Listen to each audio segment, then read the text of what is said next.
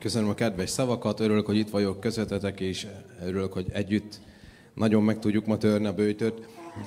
És uh, eszembe jutott, amit Móci uh, említett az utolsó hirdetésében, hogy mennyire fontos. Volt egy alkalom, amikor nagyon készültem uh, izgatottan a prédikációra, és izgatottan is prédikáltam, mert úgy éreztem, hogy egy nagyon fontos üzenet, de de hát tudjátok, milyen az ördög állandóan támad, és volt valaki, aki nem kapcsolta ki a telefonját, és egyfolytában csörgött is. Ha nem csörgött, akkor üzeneteket kapott, és nagyon mérges voltam, mert mondom, milyen tiszteletlen emberek vannak, hogy egyszer nem figyelnek oda, és hát hogy, hogy lehet az, hogy, hogy egyszer zavarják az egész társaságot, és hát ki voltam borulva, és hát eléggé rossz gondolataim voltak.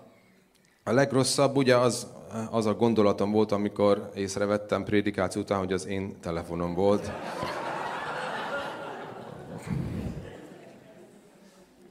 Átgondoltam mindezt, amit a figyelmetlen, tiszteletlen emberekről gondoltam végig. Aztán megnyugodtam, hogy igen, az ördög támad, tehát hogy ez... Jó úton haladok, igen. Hát jár így az ember, úgyhogy azt szoktam mondani, egy valamit megtanultam, hogy nagyon jó, jó dolgokat mondani másokról, és nagyon jó másik háta mögött jókat mondani. Ez egy, ez egy egyik legnagyobb tanulság az életemben, mert úgy ismerjétek a Prédikátor könyvében és a példabeszékben is le van írva, hogy a fecske is elviszi a szót. Tehát minden szót elvisznek, és mindig vissza fog minden jutni. Ez az első nagy felismerésem volt, és utána rájöttem, hogy ha, ha hátom mögött mindig jókat mondok, úgyis vissza fog jutni a szó, és akkor végig is magamnak teszek jót, nem? És akkor örülni fognak. Az, hogy ezt hogy tanultam meg, az egy hosszú folyamat volt, erről Erről most nem akarok hosszabban eh, beszélni, tanulságos volt, nem esett jól. Okos ember máskárán tanul, annyira nagyon okos úgy tűnik nem vagyok, de a nem annyira okos ember azért a sajátján, de tanul. Gondolom, ez a kategóriába szeretnék azért vele tartozni. És hát örülök, hogy eh, együtt törhetjük meg a bőtöt, mert eh, azt hiszem valahol olvastam a héten, tegnap is ezzel kezdtem a ez, hogy megvan, megvan írva a Bibliában, hogy ha a karácsonykor felszeded a plusz kilókat, és a bőjt e, alatt nem fogysz vissza, akkor Jézus elhagy. És, a, nem, nem, és lecserél fiatalabb hívőre. Tehát valami, azt hiszem, mint valami ilyesmi igéket olvastam is, hogy nem, nem ez volt. Ne, nem. Kerestem az evangéliumokban, nem találtam meg pontosan, hogy mert hogy ilyen igékkel foglalkoztak a héten, e, azt gondolom, de e, hál' Istennek, hogy ez ránk nem igaz, mert hogy jól néztek ki. Nagyon szeretném elmondani, ne izguljatok Jézus, lefogytunk, igen, Jézus nem hagy el, és ez egy ugye nagyon fontos dolog, de nem akarok sok hülyeséget beszélni, mert uh, akkor igen, különben vállalhatatlan lesz, és majd nem járulok hozzá a, a felvétel leadásához. Ez élőben?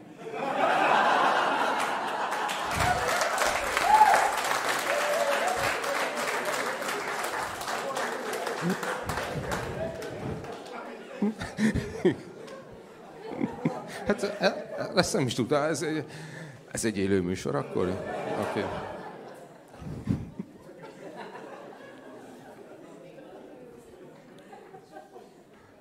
Na, tehát azért érzitek nem, hogy sikerült túlélnünk a bőtöt, úgyhogy kezdődik az élet. És hát nagyon jó volt ez az időszak, nagyon szeretem a bőti időszakot a bőtzárás után, és egész évben lelkesen beszélek róla, tehát februártól decemberig szoktam lelkesíteni, bátorítani önmagamat is és másokat is, de most különösen jó dolgok történtek, annyi megtapasztalásunk volt, nem volt olyan összejövetelünk, amikor ne jött volna oda hozzám valaki, hogy nem élt át egy csodálatos gyógyulás vagy valamit, és egyre másra jöttek az emberek, és én ennek nagyon örülök, és volt egy erős kijelentés is, amit most meg is fogunk osztani, úgyhogy szeretném bekonferálni dr. Bedekovics Lászlót. Hogy add át a, a, az élményedet. Ezt csak azért mondtam, mert nem tudom, hogy erről szóltunk-e, tényleg nem emlékszek, és ez nem vicc kategória, de ő egyébként tényleg valóban doktor Berekovics László, aki esetleg nem tudná, jogász doktor, igaz? Előtte szóló Dávid, te is doktor Itz és Dávid, igaz? És szintén jogász doktor, úgyhogy hát csak szeretném, hogy ezeket tudjátok. Végre vannak jogászok, igen, és hát a mai Isten két jogász, két, ugye Jutka néniről tudtak ott, a harmadik Jutka az volt, egyébként a gyülekezetünk egyik alapítója a kettőből egy doktor volt, doktor Varjas János volt, és hát ők szólnak hozzátok, mai napon meg egy szabolcsi fiú, úgyhogy fogadjátok szeretettel. Nagyon szépen köszönöm. Igen, tehát e-, e-, ezután így nehéz felépíteni, amit mondani szerettem volna. Egy elképesztően egy elképesztően erős élményt szeretnék veletek megosztani, ami, ami ugye minden héten itt, ahogyan voltak a bőti alkalmak, tényleg csodálatos gyógyulásokat éltünk át, akár a keddi ima csoportban hétfőnként bizonyságok jöttek sorban gyógyulásokról, úgyhogy nem is imádkoztunk konkrétan valakiért, hanem egy alkalom közben meggyógyult. Én egy csodálatos átélést szeretnék veletek megosztani, ami, ami nagyon sokszor szoktam beszélni arról, hogy milyen élményeim vannak Isten miket mutat, ez viszont gyakorlatilag a, a, a mindent visz kategória volt, amit, amit eddig átéltem, és úgy gondoltam, hogy szeretném veletek megosztani, mert eh, egyrészt azon kívül, hogy egy, egy, egy nagyon nehéz helyzetről lesz szó, amit lehet, hogy pár évvel ezelőtt nem tudtam volna így elmondani, mégis egy olyan, olyan csodát éltem át, ami, ami alapvetően az eddig is, ez eddig is nagyon intenzíven élt eh, keresztény életemet még nagyobb fokozatba kapcsolta drága nagymamámról szeretnék nektek néhány szót szólni. Múlt hét vasárnap az itteni alkalom után mentünk haza Enivel, és nagymamám, én Tószegről származom Szolnok mellől, és ott élt ugyanazon a településen Tószegen, édesanyám még is ott élnek a nagyi mama, és délután hívott édesanyám, hogy nagymama elesett. Nem vette fel nagyon sokáig a telefont, elmentek hozzá nagyon nagy aggodalommal, hogy mi történt, és sajnos a földön találták meg mamát, és nagyon-nagyon-nagyon rossz állapotban volt, nagyon kihűlt régóta, feküdhetett a földön, azonnal mentővel a kórházba került, nagyon súlyos állapotban. Hazamentünk, és mondtam Elinek, hogy kéne egy pici idő, szeretnék elmenni, sétálni az erdőbe és imádkozni. Erdő mellett élünk. Nekem ilyenkor mindig kell egy kis egyedül lét elkezdtem imádkozni, beszélgetni, kérni egyből Istent, hogy Atyám, Uram, hozd vissza mamát, ments meg, gyógyíts meg őt. Gyermeki imával azonnal kértem, és gyakorlatilag nem tudom elmondani az érzést, egy pár pillanaton belül válaszolt Szent Szellemen keresztül Isten, és kérdezte, hogy miért. Mondjam el, hogy miért hozza vissza, hiszen teljes az élete. És nem tudtam mit mondani, nyilván gyermeki érzések jöttek belém egyből. Jöttek a miértek, hazamentem, leültünk, és, és nagyon nehezen e, jött bennem az ima, elkezdtünk imádkozni, Eni vezetve az imát, összefogtuk egymás kezét, és, és elkezdtünk imádkozni. Nem túl sokat nem tudtam beszélni mamával, nem tudtunk beszélni mamával Istenről, beszélgettünk, és, és tudom, hogy hit, tudom, hogy ő szívben rendben volt, és ő egy, ő egy nagyon igazságos és tiszta szívű asszony volt, viszont nem tudtunk annyira mélyen beszélgetni róla, amennyit szerettünk volna. Elkezdtünk imádkozni, Eni vezette az imát azért, hogy az Úr ragadja, fogja meg őt, ölelje át a szeretetével, mutassa meg neki, hogy mennyire szereti, és vegye el az összes félelmét emberileg. Nagyon nehéz volt a helyzet, nagyon lehűlt a teste, és, és, és nagyon súlyos állapotban volt. És ahogy elkezdődött ez az ima, elkezdett Eni imádkozni, én is elkezdtem magamba imádkozni, láttam egy csodálatos dolgot, láttam, láttam egy elképesztően hatalmas fényességet, és láttam, és tudtam egyből szellemben, hogy azt látom, hogy, hogy nyílik a menny, és láttam, hogyan, hogyan a nagymamám oda tart, ahogyan a nagymamám megy a mennybe. Nyilván szívben nagyon örültem, elkezdett folyni a könnyem, elkezdett patakokba folyni a könnyem. Egyre távolabbról hallottam el imáját. Ő imádkozott, én, én pedig mentem bele ebbe, ebbe a képbe, ebbe, amit mutatott Isten, és jött egy következő kép, ami, ami totálisan megváltoztatta az eddig is. Azt gondolom, hogy Isten alapú életemet. Én láttam egy helyet, láttam a, láttam a saját szellemi testemet, láttam egy helyet, egy, egy olyan helyet, ami, ami a mennynek egy, egy része lehetett. Láttam azt, ahogyan, ahogyan ez egy, ez egy, egy ilyen sivatagszerű, homokos, poros, de jó értelembe vett valamilyen hely volt, ahol, ahol álltam egy férfiként, egy olyan férfiként, aki nagyon sokat ment, aki egy nagyon hosszú út végén lehetett, egy nagyon hosszú vándorlás útján lehetett, szívben azt éreztem, mint ahogyan Mózes a nagy útját, ahogyan végigjárta, úgy állt ő ott. Körbenéztem magam körül, és mindenhol minden ugyanolyan távolinak tűnt, és mindennek dicsőítés alatt szoktak lenni néhány dal alatt az a kivetítés, ami azt a fényhatást visszahozza egy ilyen fantasztikus lilás, narancssárgás gyönyörűség. Egy olyan szintű gyönyörűség, amit, amit soha azóta nem láttam. És ahogy tudatosult bennem, hogy az én vagyok, ez, ez, az, én, ez az én utat befejezett testem, elkezdtem látni embereket, akik jöttek mindenfelől körém, olyan embereket, akiket nem olyan embereknek kell elképzelni, hogy mi most vagyunk, hanem, hanem a mennyei testben lévő embereket, akik, akik jöttek mindenfelől, és sokan fiatalok és idősek, és láttam, ahogyan, ahogyan oda jön hozzám a nagymamám, aki természetesen nem úgy nézett ki, és én sem úgy, ahogyan most vagyok, de oda jött hozzám, és megismertük egymást. És, és láttam, hogy megérkezett, és, és találkoztunk, és egy olyan csodálatos, gyönyörű érzés jött rám, tényleg sírtam, nem tudtam a szemem kinyitni, és Isten mutatta, hogy, hogy ezek az emberek azok, akik, akiknek kinyitottuk az ajtót.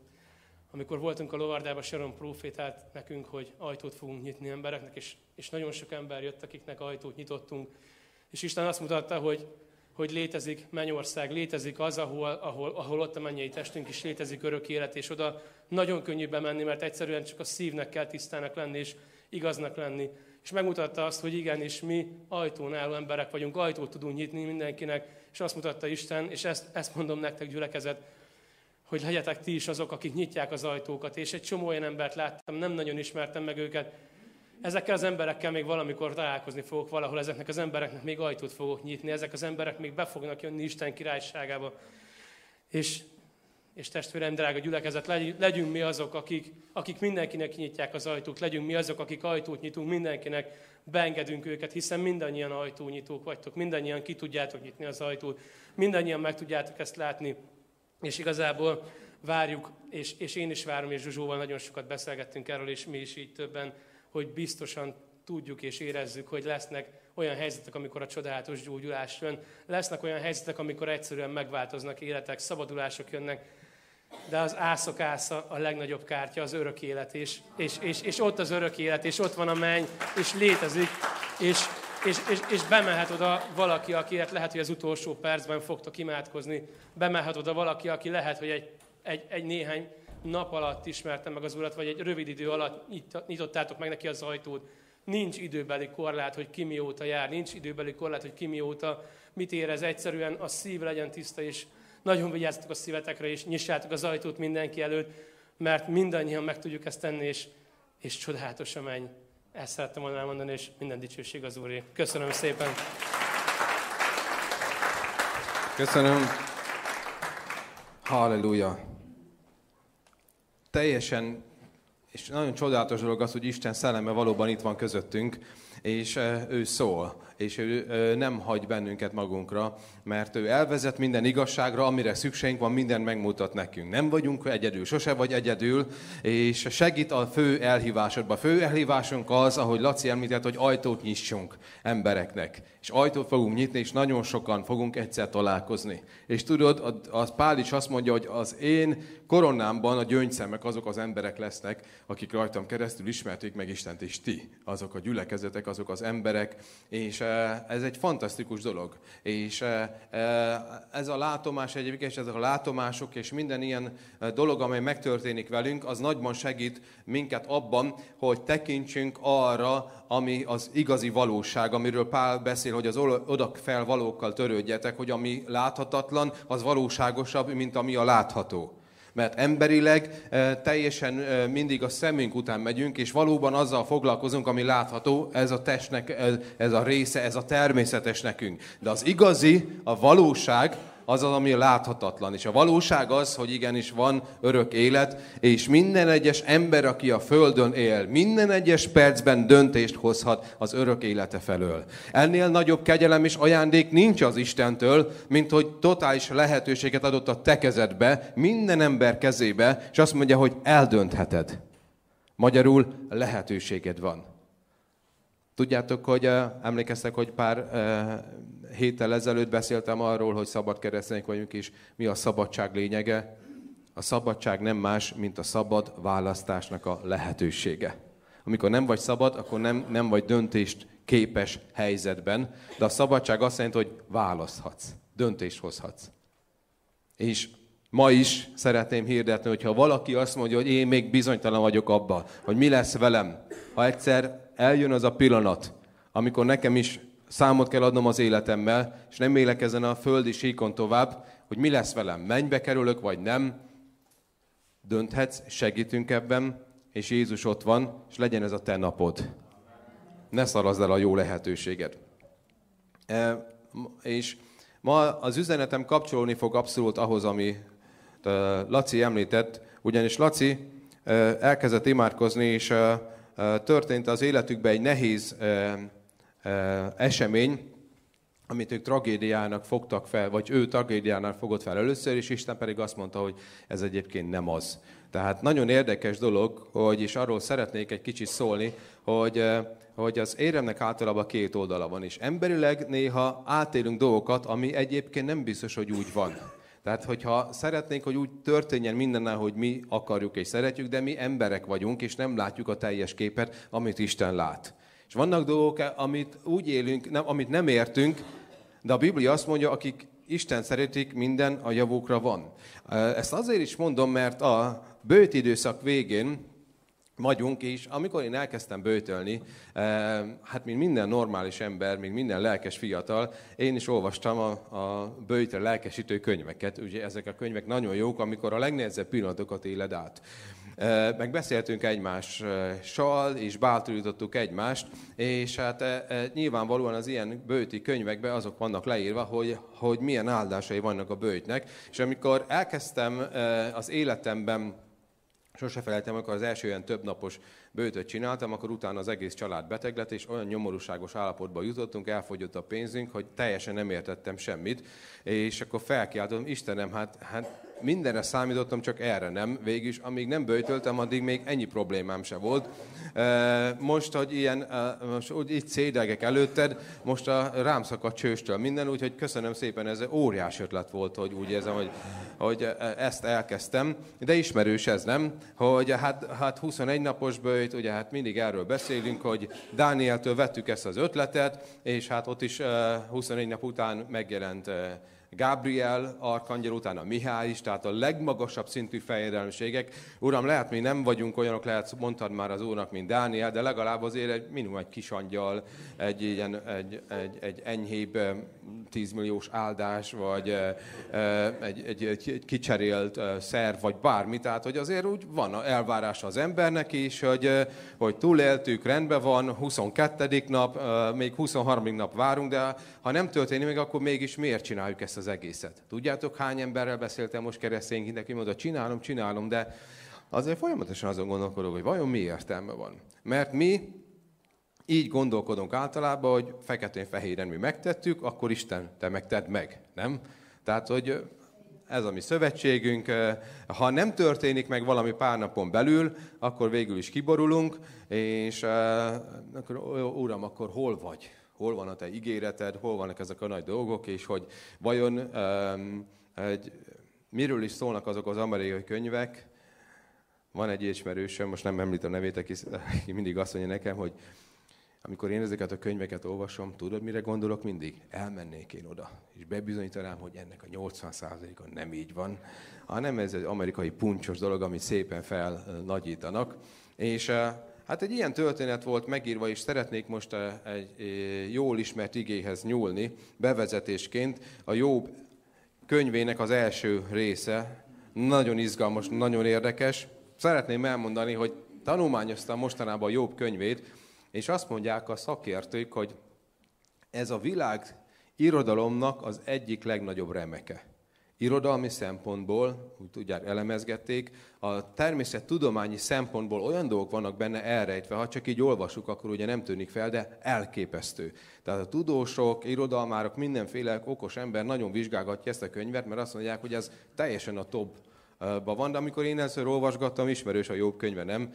Hogy először is ez csak nagyon nagy krízisben, kiégett állapotban szoktad olvasni, mert normális ember nem szeret egy ilyen uh, sztorit uh, alapból olvasni, de még az első részeit elolvasod, meg a végét, de tulajdonképpen nagyon hosszú részen keresztül semmi nem történik, csak ül vagy négy ember, és ők beszélgetnek, aminek nagyon sok értelme nem volt, és azt mondja a végén az úr, hogy jobb lett volna, ha meg sem szólaltok. Hát, oké, okay, én többször olvastam már úgy, hogy még mindig Elihu beszél, mindig Elifáz, még megint mondott valamit, nem mondta volna, hol van a megoldás, és jobb a végén, jobban megállult az úr hétszer. Na, akkor itt bekapcsolódok én is, tehát és felületesen olvasva ez így néz ki, de a, a Jobb egy első részében szeretném felolvasni a hatos verstől a 11-es versig, tehát Jobb egy hattól. Történt pedig egy napon, hogy eljöttek az Istennek a fiai, hogy udvaroljanak az Úr előtt, és eljött a sátán is közöttük. És mondta az Úr a sátánnak, honnét jössz?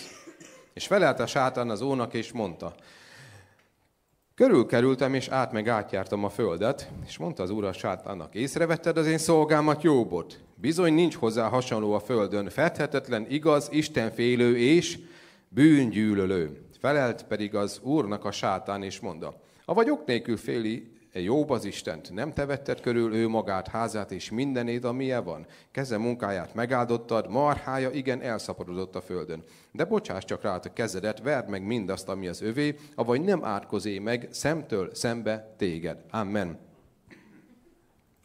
Nagyon érdekesen indul Jobb könyve, ugyanis olyan szellemi betekintést enged eh, nekünk a, a, az igazi szellemi valóságban, ami azért ritka a Bibliában, mert nem ezzel foglalkozik. Egy kicsit hasonlít, tehát egy kicsit segít megértetni azt, hogy mi történik a mennyben. És ez egy nagyon érdekes dolog, mert azt mondja, hogy vannak olyan pillanatok a mennyben, amikor az Istennek a fiai eljönnek, hogy udvaroljanak az Isten előtt, imádják őt, és közöttük mindig megjelenik a sátán is, ő nem azért, hogy Istent imádja, hanem azért, hogy keresztbe tegyen az emberek, és mindig, mivel ő embergyilkos volt kezdettől fogva, a célja mindig az, hogy Istennek keresztbe tegyen és gyűlöli az embert, és hogy valami rosszat eredményezzen, és Isten szóba állt vele. Tehát emlékeztek a, a a két héttel ezelőtt beszéltem arról, hogy amikor Jézus 40 napig bőjtölt, az első, akivel találkozott, maga a sátán volt. És én azt gondoltam, hogy van olyan bőt és van olyan dicsőt is, amikor az ördög messzire elkerül minket, mert olyan szent légkör van, de hát Jézus meg az ördög együtt mentek a templomba. És azt olvasjuk, hogy a mennybe bejárása volt legalábbis egy ideig a, a gonosznak, ugye ez még a, ez egy ószövetségi történet, tehát ez még a kereszt előtt volt, azóta Jézus az összes uh, hamis fejedelemséget, fejedelemséget legyőzte, és bátran mutogatván bevonult a mennybe. Így van?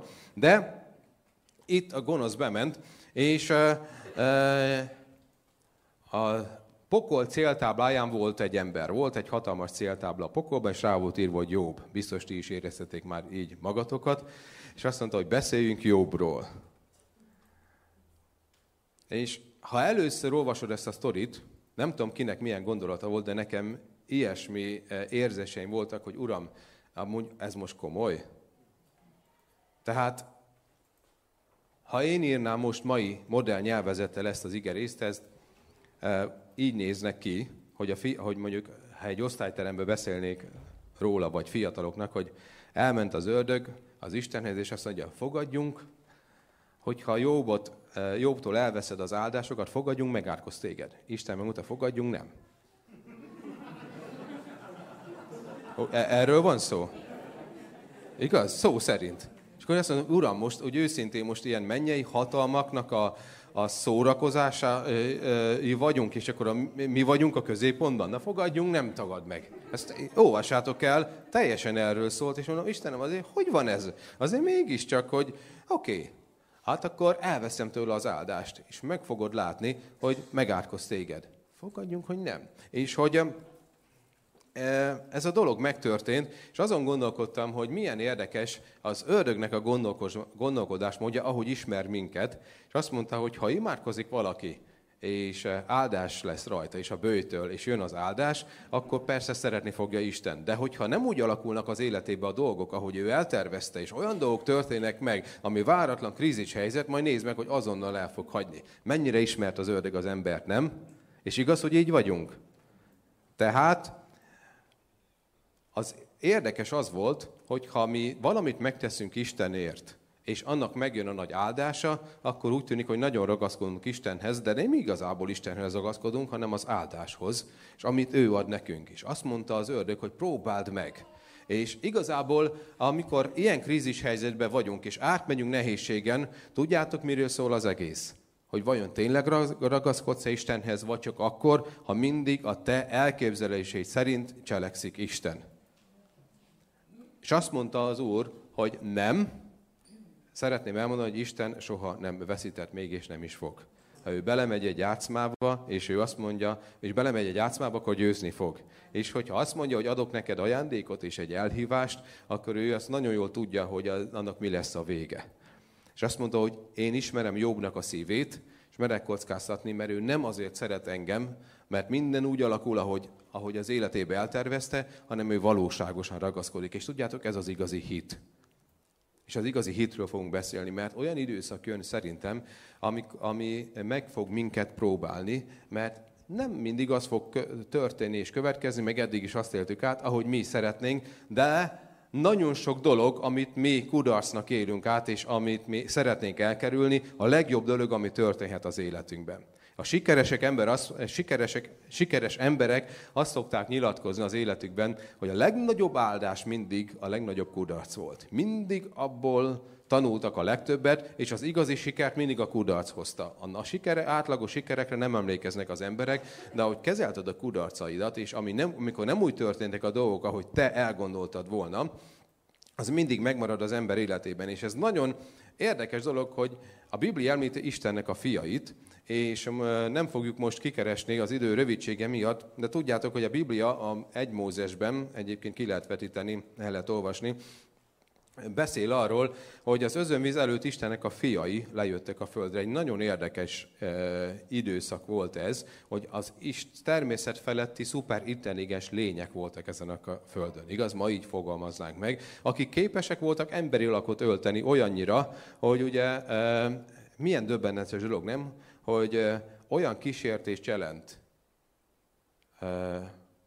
olyan kísértésekkel állunk szemben egyébként emberek, hogy még egy mennyei Istent is egy földi kísértés csapdába tud csalni. Ismeritek ezt, nem? Tehát ott hagyták a lakhelyüket, eljöttek, és együtt voltak az uh, emberek lányaival, így írja a Biblia, amiből születtek az óriások, a félistenek, ugye, mert az apja Isten, az anyja pedig halandó, a félisten, magyarul titánok, igaz? Titánoknak hívjuk a félisteneket. Ez annyira erős volt, hogy az összes mitológiában, ha olvassátok a régi mitológiákat, megmaradt ez. Főleg a görög mitológiában, ugye híres titánok vannak, mint például Achilleus vagy Herkules. Tehát ezek nem kitalált dolgok, hanem ez egy valóság volt, hogy valamikor így nézett ki a föld, hogy Ma úgy mondanánk, hogy ufók voltak itt, meg ilyen földön kívüli lények, és eh, hát milyen emberek lehettek azok, akiknek az apja isteni lény. Azt olvassuk, hogy ilyen természet fölötti tudással rendelkeztek, és nagyon hatalmas emberek voltak, nagy emberek voltak, több méter magas emberek, és erőszakosak voltak, és gyötörték az embereket. Egy ilyen borzalmas eh, időszak eh, volt ez az özönvíz előtt, de miért beszélek ilyen csúnya dolgokról? Azért, mert Jézus, amikor eljött a földre, azt mondta, hogy ahogy a Noé napjaiban volt az utolsó eh, napokban, ugyanolyan időszak lesz. És ha megnézitek, ha megnézik a filmeket, az emberek gondolkodás módját, amiről beszélnek, ami bennünk van, ugyanazt éljük meg. Igaz? És eh, nagyon nehéz időszakba eh, megyünk bele, és dolgoknak meg kell történnie. Szeretném elmondani nektek, hogy akármennyit imádkozunk, bizonyos dolgokat nem tudunk kikerülni.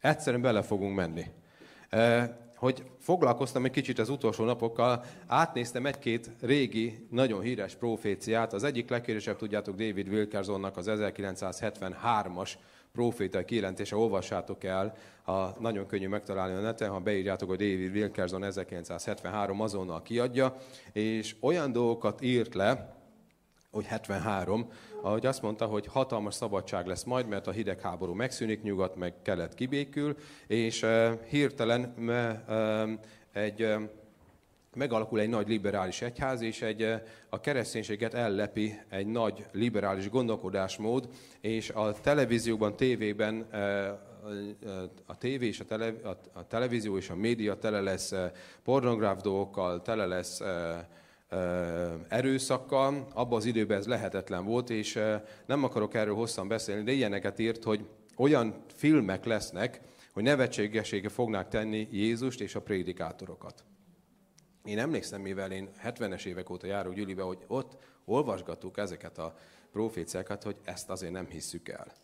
Csak most mai észszel azt mondanánk, hogy megprofétálta a Netflix mozgalom létrejöttét. Teljesen, ami, amiket most élünk, azokat leírták folyamatosan. Azt is leírták, ugye, hogy egy migrációs hullám jön a, a Krisztus visszajövet előtt Európába, és ez lesz a legnagyobb probléma. A következő dolog, hogy olyan természeti katasztrófák lesznek, hogy egyfolytában az emberek a klímaváltozással fognak foglalkozni, mert földri, földrengések, tűzvészek, tehát elképesztő dolgok fogják egymást érni, és a, a nagy egyház, tehát nagy, ketté válik igazából az egyház, ezt most én mondom, mert én is ezt ugyanezt kaptam, hogy lesz egy igazi Krisztus hívő egyház, meg lesz egy nagy liberális egyház, amiben borzalmas dolgok lesznek, és semmi köze nem lesz Jézushoz. Erről nem akarok sokat beszélni, de, de olyan dolgokat tudnék most felhozni, amiket olvasunk a médiában, meg látunk, amit tíz évvel ezelőtt se hittünk volna el. Tehát elképesztő ez a, a, a világ, amit élünk. Tehát lesznek dolgok, amelyeket egyszerűen nem tudunk elkerülni. Nem ima kérdése lesz. Nem ima kérdése lesz. És ebben a korszakban volt egy ember, aki elkezdett a legnagyobb szárazságban, a szárazföld közepén egy irdatlan nagy bárkát építeni. És mindenki csúfolta őt.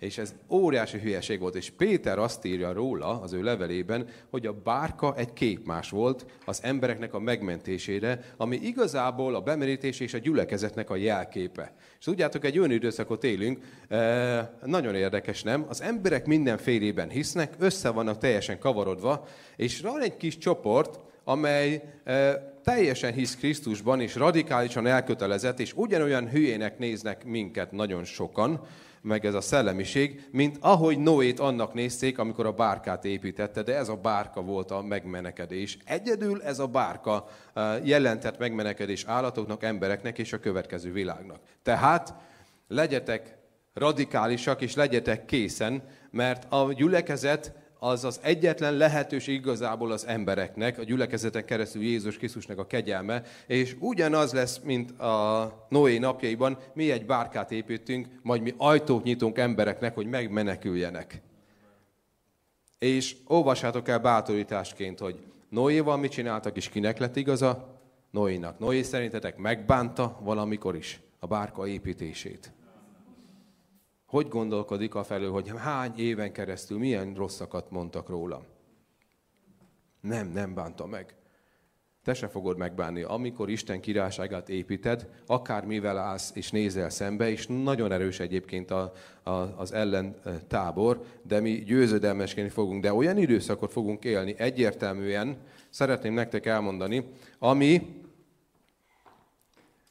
amiben sok dolog meglepő lesz, és, és uh, uh, nem úgy fognak működni a dolgok. Ezzel együtt én hirdetem, és igaz, amit eddig is mondtunk, hogy meglepő csodákat fogunk tapasztalni. Tehát eljön az extrém csodáknak az ideje, amikor a, olyan ébredés lesz, és ebben hiszünk, ami még soha nem volt. Amikor Istennek a szelleme e, ki fog áradni között, e, közöttünk úgy, ahogy még soha sem. Ez lesz az utolsó nagy ébredés, amikor Jézus Krisztus felkészíti az ő gyülekezetét az elragadtatásra.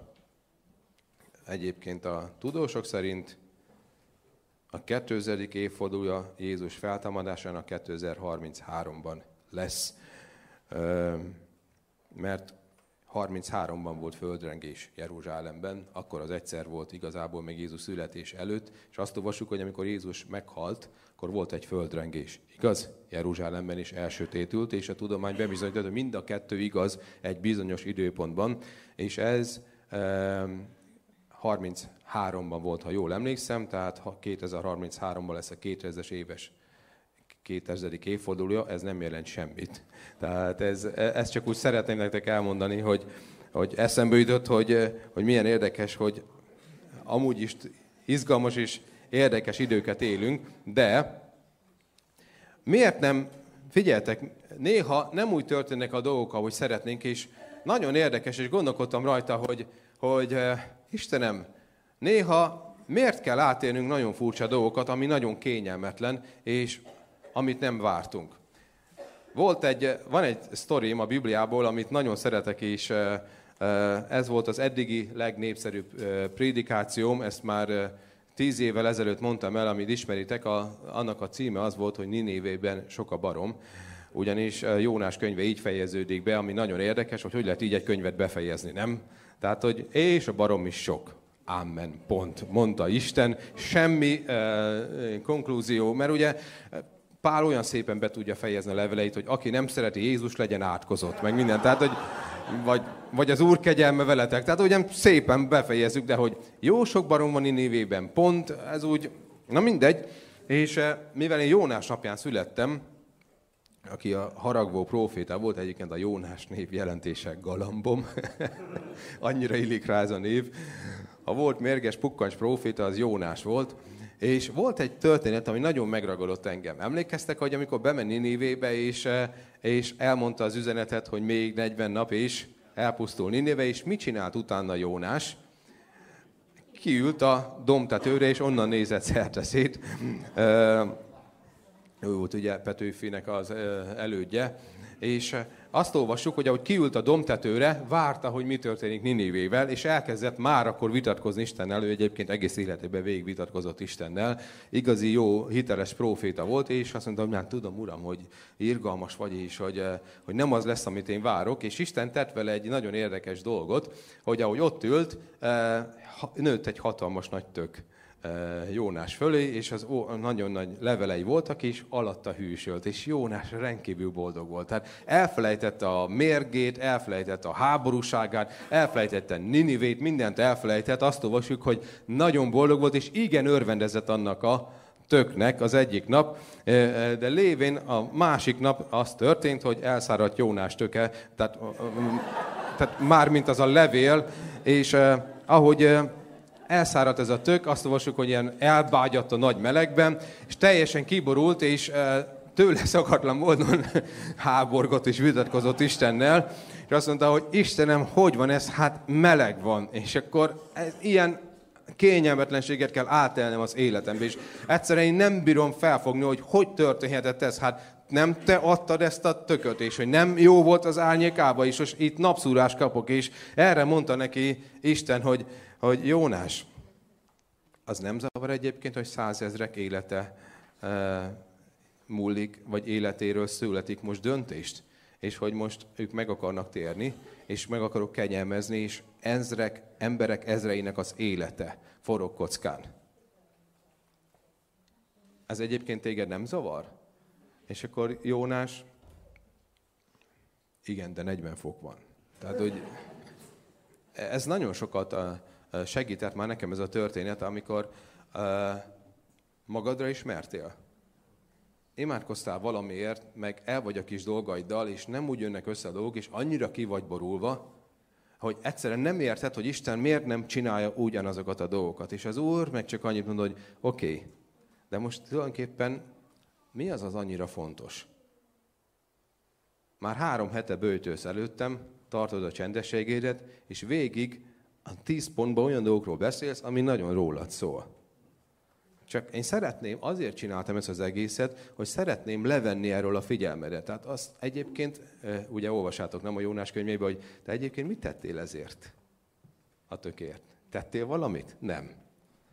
Élvezted, amikor volt. De az, hogy nincs, azért se tettél semmit végül is. De én pedig szánom még nem csak az embereket, még az állatokat is. Tehát Isten nagyon jó szíve van egyébként, és az őket is én teremtettem, és az egészet csak azért csináltam, ez egész kényelmetlenség az életemben azért történt, hogy vedd már észre, vedd már észre, hogy Egyébként körülötted az emberek nagyon szenvednek, csak te magaddal vagy elfoglalva. És ez a pillanat Jónásnak, ez a kényelmetlensége, ez arra volt jó, hogy észrevegye azt, hogy kik élnek körülötte. Emlékszem, amikor én nagyon ki voltam borúva, mert azt tanították nekem, és teljesen abba éltem, ha oda szánom az életemet Krisztusnak, és keresztény leszek, akkor jóra fordulnak a dolgok, és áldott állapotba fogunk kerülni. És amikor nem ilyen állapotba kerültem, akkor nagyon ki voltam borulva, és mondtam az úrnak, hogy uram, ezt nem ezt ígérték nekem. Én nem ezt olvastam a könyvekben. Hát nyilván olyan könyveket olvastam, amely bátorított nagyon, és nem értek semmit, és hogy, hogy ezt olvastam, és ez történik. És utána elkezdtem szolgálni emberek felé, és rájöttem, hogy szinte mindenki ugyanabba a probléma problémában van. És akkor valahogy olyasmit értettem meg, hogyha az Úr engem megáld, és ami kicsit szolgálunk, és akkor olyan jó lesz az állapotunk, akkor mindenki jönne, és fogalmunk se lenne, nem értenénk meg azokat az embereket, akik felé szolgálunk. Amikor átmentem családapaként, nehézségeken, amikor átmentem emberként, amikor, amikor csomó dologba bekerültem, akkor rájöttem arra, hogy végül semmi különleges dolog nem történt velem. Ezt szoktam mindenkinek mondani, amikor jönnek oda hozzám, hogy a, az életük összeborult. Figyelj, tudod, hogy egyébként más is ugyanilyen dolgokkal küzd? Á, nem. Nem hiszem. Na, olyan érdekes egyébként. Én nem tudom mondani, hány emberrel beszéltem, aki elmondta a problémát, és figyelj, tudod, ő is biztos, hogy nem. Nekem olyan gondolataim voltam, voltak. Nem is tudom, azt szerintem nem veszek úrvacsorát egy hónapig. Hát tudod, ez még nem is olyan nagy dolog. Nem. Emberek vagyunk. Tudod, én olyan, olyan, olyanokat mondtam Istennek, meg ki voltam borulva. Hát, mesélek akkor egy kicsit magamról. Hogy te egyébként olvastad már Jónás történetét? Tényleg? Semmi más. Csak az, hogy egyszerűen, mert nem úgy alakultak a dolgok. Annyira ki tudunk barulni, de ne felejtsd el, mindig jusson eszedbe Jónás története. Azt mondta az úr, hogy figyelj, te most kényelmetlenül érzed magad. De egyébként észrevetted már, hogy sok ma mondjuk a városodban meghalt 30 ember, és senki nem szólt nekik Jézusról. És az egész életük megy az örökkévaló kározatba és lett volna rá lehetőséged, ha nem, él, nem élvezted volna annyira ezt az árnyékot. Hát uram, én nem megyek evangelizálni csak 30 fok alatt, mondta ugye Jónás. De én meg a város felől gondolkodok, mondta Isten. Tehát amikor váratlan dolgok történnek, néha felnyitja a szemünket arra, hogy, hogy olyan, mintha egy burokba élnénk, és egyszerűen nagyon el, amikor önsajnálatban vagyunk, amikor a saját magunk kényelmetlenségét túlságosan nyalogatjuk, és már nagyon csak ez, e, e, e, mi a, e, e körül folog az ima életünk, akkor Isten fellebbenti a fájtlat, és azt mondja, hogy figyelj, nézd már körül, és foglalkoz, és tedd rendbe a prioritás az életedben. De mai napon arról lesz szó, hogy lehet, hogy ebben az évben nem mindig minden úgy történik, ahogy te szeretnéd, de ragaszkodj Istenhez, mert ő mindig jót akar neked. Ő, az ő tervei sokkal nagyobb. Ő nem kicsi dolgokba gondolkodik, és igaz tényleg a Róma 8.28, amit szoktam hirdetni, hogy minden a javadra van. Te most nem érted. Emlékeztek, hogy, hogy ez az egyik kedvencem, hogy minden a javukra van. Ez szó szerint, ez a, ez a görög szó, ami itt van, az a, az a szünergia, magyarul szinergia. Ami szó azt jelenti, hogy a legmagasabb szintű összedolgozás, igaz? Tehát nagyon magas szintű. Ami azt jelenti, akit Isten szeretik, a legmagasabb mennyei szinten mennyei dolgok dolgoznak össze azon, hogy a legjobb legyen neked. Te, ha most felmennél a mennybe, egy csodálatos látomásba, úgy, ahogy Laci mesélte mondjuk egy ilyen szellemi testben, nem a te testedbe, hanem a szellemibe, és beszélnél jobbal. Szerinted Jobb mit mondana? Mekkora szemétség volt. Itt ülök a mennybe, még mindig azon gondolkodok, hogy, hogy hogy lehetett játszmázni velem. Egy kozmikus nagy játszma része voltam. Teljesen ki vagyok borulva. Ó, mennyi ökröm veszett oda. Ó, milyen borzalmas volt a cseréppel vakargatni engem hét napon keresztül. Ó, még mindig nem tudtam megbocsájtani Elifáznak igazából. Az a mondat ide bele égett a szívembe azóta is. Még jó, hogy az Úr a mennybe hozott, de itt is egy külön részem van, mert, mert megmondtam neki, hogy a mennybe hisz, elfogadom, a szenvedések után ez a minimum, de egy másik bolygóra tett engem, mint Elifázot. Azóta nem találkoztunk. Angyalok jönnek hozzám évente, könyörögnek nekem, hoznak ajándékokat, hogy béküljetek ki, de nem. El tudjátok képzelni, hogy jó vigyéli az életét a mennybe? És még mindig várom az áldást. Az Úr nagyon megáldott engem, de szerintem még mindig tartozik. Nem, hanem azt mondaná Jobb, hogy annyira könyörülő és irgalmas Isten. És ha nem úgy történnek a dolgok, ahogy én elterveztem, vagy hogy elgondoltam, akkor is ragaszkodni fogok hozzá. Mindenki ragaszkodna Istenhez, akit nagyon megáldana. Szoktam nektek mondani, hogy ha az adakozás úgy történne, hogy te behozol tízezret, a mennybe, vagy az ajtóba vár egy millió forint egy angyallal, szerintem a városban nem sok ember lenne, aki nem jön adakozni, nem? Volt valaki, aki már így, így járt? Nem? Hogyha ha úgy működne az olajja való megkenetés, hogy bárkit megkenünk, ugye nekünk külön szabkeres olajunk van, tehát hogy ez még, ez, ez hétszerte gyorsabb, még áldottabb, igen. Ha bárkit megkenünk, mire hazaér, csak azt mondom neki, hogy figyelj, milyen jó módszer lenne, nem? Eljössz ide, megkenünk olajjal,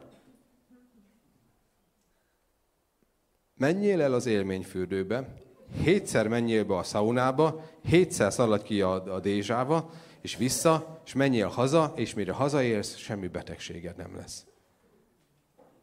És csak egy kosarat tennénk oda ki, ahol gondolod, gyere vissza adakoz.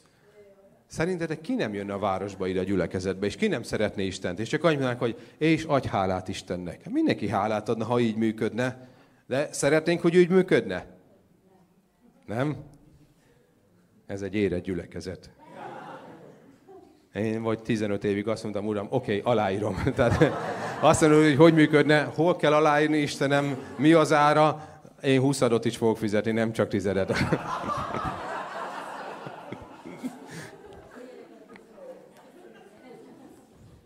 Jenő szokta mondani, hogy tudja, vezetőség legyen lelkes, 20 is fizessetek. Szóval elmondtuk Jenőnek, hogy Jenő az fele annyi, mint a tizet. Tudjátok, annyira nem jó, hogy ja. De mondom, ne, ne hirdesd már, hogy örülünk, ha valaki tizedet fizet, tudod, így még lefelezed nekünk. Oké. Okay. Tehát mi, a, mi, az igazi, az, mi az igazi megoldás? Nem a huszad. Az igazi megoldás az, hogy ragaszkodunk Istenhez, és a, a hit, egy radikális, egy radikális hittel jövünk az Úrhoz, ami le van írva a Róma 10-ben, amilyen hite volt Jobbnak. Ha úgy történik valami, ahogy én most elterveztem, ha nem úgy történik, ahogy én elgondoltam, ha bőjt után minden áldást átélek, ha lesznek még nehézségek, és úgy tűnik, hogy mintha nem hallgatott volna meg az imám, én akkor is kijelentem, hogy Isten igéje igaz. És én ragaszkodok hozzá. Amen. Ha most még nem látok semmi változást, akkor is kitartok, és ez a radikális hit, ez eredményeket fog hozni a mi életünkben. Ez mindig kifizetődik. És azt mondom, hogy Uram, ezt most nem értem, de nem az én saját gondolat, nem hagyom, hogy a gondolataim ezek bekavarjanak engem, én ragaszkodok hozzád. És azt mondja a Róma 10, a 8-as, 11-es és 13-as jól ismers verseket fogom felolvasni, de mit mond? Közel hozzád a beszéd a szádban és a szívedben van, azaz a hit beszéde, amelyet mi hirdettünk. Mert azt mondja az írás, valaki hisz ő benne, meg nem szégyenül. Mert minden, aki segítségül hívja az Úr nevét, megtartatik. Ezzel az igével indult a gyülekezet, igaz? Pünkös napján ezt hirdette Péter, idézte a Jóel proféciáit, hogy az a kegyelmi időszak. Meghirdett a kegyelmi időszakot, aminek nem sokára vége lesz a Krisztus eljövetelével, de most még ez az időszak van. Mi ez az időszak? Minden ember, aki segítségű hívja a Jézus Krisztusok a nevét, az megtartatik. És ami ide tartozik az ige, mert azt mondja az írás, valaki hisz ő benne, meg nem szégyenül. Ez a mai üzenetemnek is a lényeg és a, a címe. Aki hisz benne, meg nem szégyenül. Testvéreim, barátaim, aki hisz Jézus Krisztusban, nem fog megszégyenülni. A te hited nem hoz rá szégyen sohasem. Ezt miért mondom? Volt már valaki, meg van úgy olyan valaki, aki, aki, akit ez megkísért, hogy hitelt, ki akarok lépni, és teszek valami dolgot, de megszégyenülök, kudarcot valók, nem fog sikerülni. Igaz? Ez mindannyiunkat megkísért ez az ige, de az Istennek az igéje az, amely szabadság tesz, szabaddá tesz a szégyen érzettől is. Szeretném ezt évelején kihirdetni nektek, hogy ez legyen ott egész évben a szívetekben. Aki hisz, nem fog megszégyenülni. Szeretném elmondani, hogy ez az ige nem azt mondja, hogy aki hisz, annak elsőre sikerülni fog. Nem azt mondja az ige, hogy nem fogsz botlani út közben. Nem azt mondja a Biblia, hogy egyből menni fog a dolog. Azt mondja, hogy nem fog megszégyenülni. Ez az egyik egyik kedvenc sztorim a megszégyenüléssel kapcsolatosan Péter, meg egyébként is a hittel kapcsolatosan, meg azért, mert én átéltem, nagyon sokat jelentett nekem ez az ige, de ezt már többször elmondtam nektek, hogy milyen csodát éltem át. Most csak elminteni fogom a vízen járás uh, sztoriát, hogy, hogy általában azt én is úgy prédikáltam róla, hogy Péter, aki a kudarcként élte meg azt, hogy kilépett a csónakból, és egy kicsit járt a vizen, és utána majdnem elsüllyedt, de szeretném elmondani, hogy a Biblia azt mondja, hogy ki hisz, meg nem szégyenül. Ez egyébként mai látásom szerint nem szégyen volt. Tehát, hogyha félsz attól, hogy kilépsz a csónakból, és el fogsz merülni, félsz attól, hogy hitáltal kilépés, tegyél olyan dolgokat, amit eddig nem tettél meg. Kezdj el a munkahelyeden szólni olyan embernek, akinek eddig nem mertél szólni. Kezdj el hitáltal imádkozni olyan dolgokért, gyógyulásokért, amit eddig nem mertél megtenni. Kezdj el anyagilag úgy arakozni hitáltal, amit eddig nem tettél meg, és félsz, hogy meg, nem, hogy meg fogsz szégyenülni. Szeretném elmondani, hogy nem fogsz megszégyenülni, mert Péter sem sem szégyenült meg. Igazából azt gondolom, hogy a legnagyobb hithős abban a, a, a, a tanítványok között az Péter volt. Ugyanis senkiről nem olvasunk Jézuson kívül abban az időben, aki járt volna a vizen, csak Péter. És valahány métert járt a vizen. Én mindig Péterrel szerettem volna beszélni. A többi tanítvány el tudta volna mondani, hogy amikor Péter kilépett a vízre, ó, hogy repesett a szívünk, ó, hogy közben járva imádkoztunk, ó, hogy azt a két percet ott bőjtbe el, el, eltöltöttük, és hogy annyira izgultunk, és annyira nem értettük, annyira néztem a vizet. Ahogy Péter járt, el tudom képzelni mondjuk Tamást. Ez még elég nem jutott eszembe, hogy Péter kilépett a vízre és jár. El tudom képzelni, hogy Tamás gyorsan oda ment és nézte a vizet, hogy ez most szilárd vagy nem, vagy hogy jár rajta. De mégiscsak egyedül Péter volt az, aki kilépett, és nem volt kudarcos Péter. Ő volt az, aki megpróbálta. Egyetlen egy ember volt, aki a saját félelmét le tudta győzni, az Péter. Ezt azért mondom, mert sokat gondolkodtam rajta, hogy hogy, eh, hogy nézett volna ki jól ez a sztori. Mit kellett volna csinálni a többi tizenegynek? Menni utána, nem? Tehát nem az lett volna. Péter kimegy, és akkor azt mond, én, ez az első gondolatom, hogy azt mondom, hogy Uram, akkor én is. Szerintetek ment volna, mehetett volna valaki út? Így van. És lehet, hogy valaki eljutott volna? Így van de az Péter miatt jutott volna, mert ő volt az első, aki azt mondta, hogy én, meg én, úttörő leszek, kilépek. Ha ültök egy csónakba, és olyan környezetben vagy, hogy mindenki ül a csónakba, és csak vágyaitok vannak, ó, de jó lenne ez, meg az történne, és senki nem mer kilépni, akkor azt jelenti, és ezen gondolkodsz, hogy te vagy az az ember, akinek ki kell lépni. Ebben, a, ebben az évben sok ember lesz a gyülekezetünkben, aki ki fog lépni hitbe. És amikor kilépsz, és nem sikerül elsőre, gondold át ezt a dolgot. Nem fogok megszégyenülni, azt mondja a Biblia. Lehet, hogy elsőre nem sikerül, de nem fogok megszégyenülni.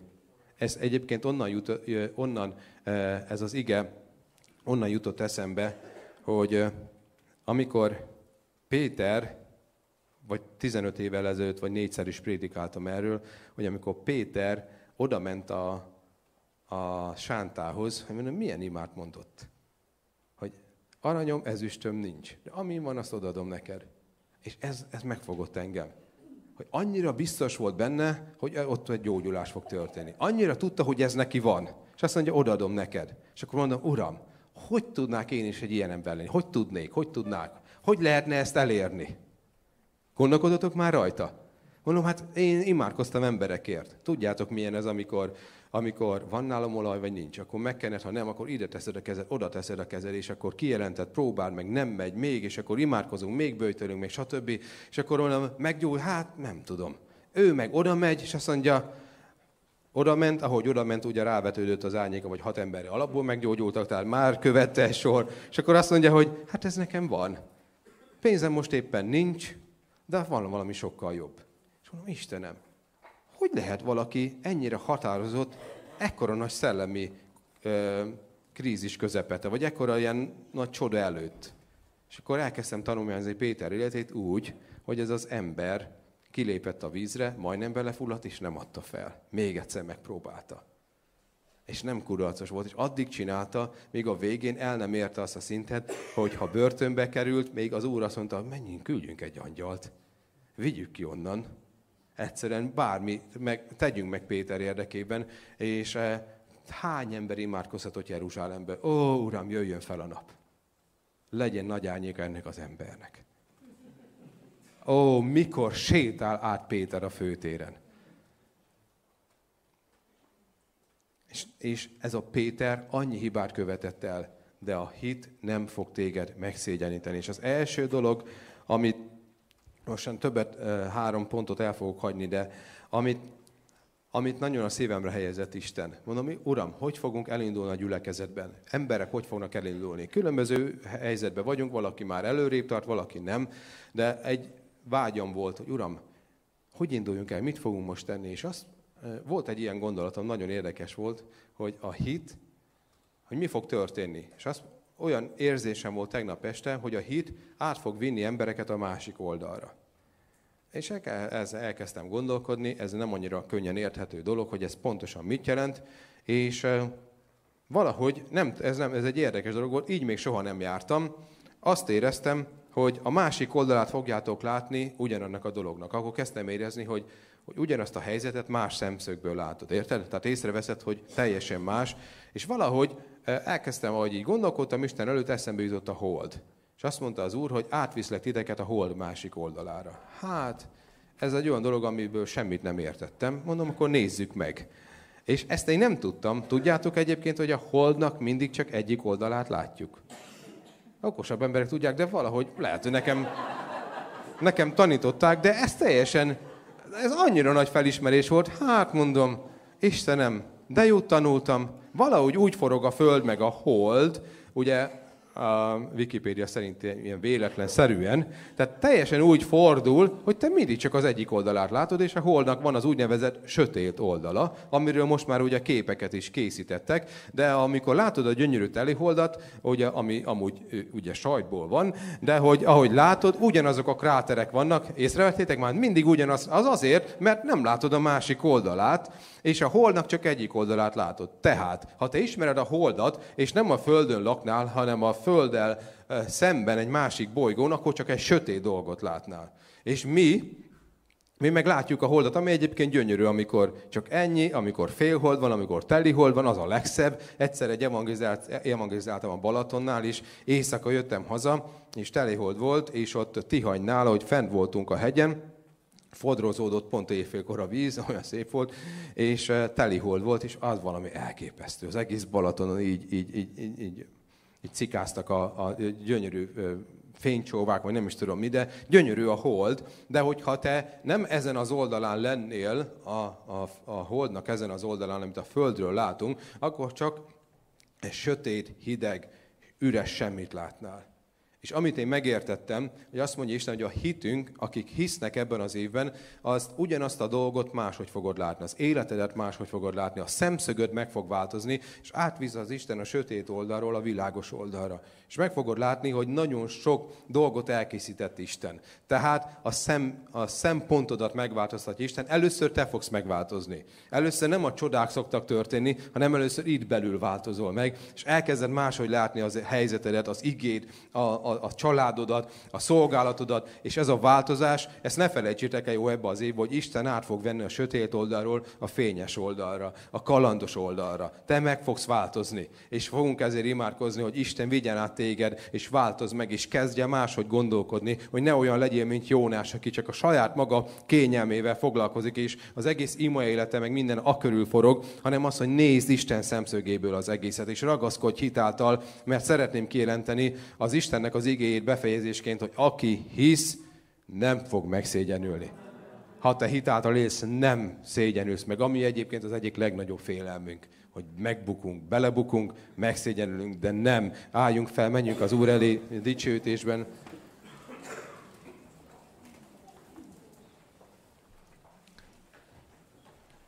Uram, vannak itt, akik félnek attól, hogy bármit is máshogy csináljanak, mint eddig, mert nem fog sikerülni, és a Jézus nevében imádkozom, hogy minden megszégyenüléstől való félelem legyen távol tőletek. Add, Uram, a hit ajándékát nekünk. És eldöntjük, hogy hinni fogunk benned. Lehet, hogy a dolgok ebben az évben nem pont úgy fognak alakulni, ahogy gondoltuk. De amit teszünk, annak értelme van. A bőjtünknek értelme van. Az imáinknak értelme van. A dicsőítésünknek értelme van. Ahogy evangelizálunk, gyümölcse lesz. És a Jézus nevében a vetésünknek aratása lesz. És nem fogunk megszégyenülni. És hogyha nem sikerült nekünk, és ha valaki a tavaly kilépett először a vízre, és elkezdett dolgokat, ami más volt, mint eddig, és kudarcos volt, nem sikerült, az nem kudarc, hanem megváltozik a gondolkodásunk, és azt mondjuk, hogy valami elindult, valami újat kezdtem, és jól fog sikerülni. A Jézus nevében legyen távol tőlünk minden megszégyenülés. Ez a gyülekezet kilépett. Béreltünk sokszor helyeket, és evangelizáltunk a, a városban. És kijelentem a Jézus nevében, hogy nem fogunk megszégyenülni. Hanem amit elkezdtünk, annak eredménye lesz. Sokat vetettünk sok helyre, anyagilag is a gyülekezetünk. Annak eredménye lesz. Imádkozom azért, hogy vannak itt emberek, akik oly régóta harcolnak, hogy gyógyuljanak meg betegségből, hogy térjen meg a családtagja valakinek. Azért, hogy változom meg a család. Azért, hogy álljanak eh, helyre megtör dolgok. Nem fogunk megszégyenülni. Hit van bennünk, és feltámad ez a hit. És ebben az évben kijelentem az Úr Jézus nevében, hogy az Istennek a szelleme átvisz minket, vagy sok ember egyik oldalról a másik oldalra. Más lesz a szemszögünk, más lesz a nézőpontunk. Ugyanazt a dolgot is máshogy fogjuk látni, hanem azt fogjuk mondani, eddig egy lehetetlen probléma volt előttünk, ami előtt menekültünk, ma azt mondjuk, hogy ez a feladat, amit meg fogunk oldani Jézus Krisztus nevében. És a hegy semmivé lesz előttünk. És az Úr a sötét oldalról átvisz a fényes oldalra. Mert ez egyébként meg van írva, hogy nem lesz mindig sötétség ott, ahol most szorongattatás van, mert fény támad fel felettünk, Uram. Akinek ma arra van szüksége, hogy átkerüljön a fényes oldalra, mert mindent, akármerre nézett, csak sötétséget látott, csak nem működő dolgokat, csak olyan dolgokat, amelyeknek nincs értelme. A Jézus nevében minden hitetlenség törjön meg. Hadd menjünk át a másik oldalra, Uram és legyen itt a mai napon olyan, aki ma döntés hoz melletted. Mert azt mondja a Kolossébe írt levél, hogy az Istennek a fia átvitt minket a halál királyságából, a sötétség királyságából, a dicsőséges mennyei királyságba, az Isten fiának az országába. Legyen olyan, aki döntés hoz ma melletted. És köszönjük, Uram, hogy győzelemre vezeted a népedet. És kijelentjük, hogy ragaszkodunk hozzád, és nagy lesz a mi jutalmunk. Amen.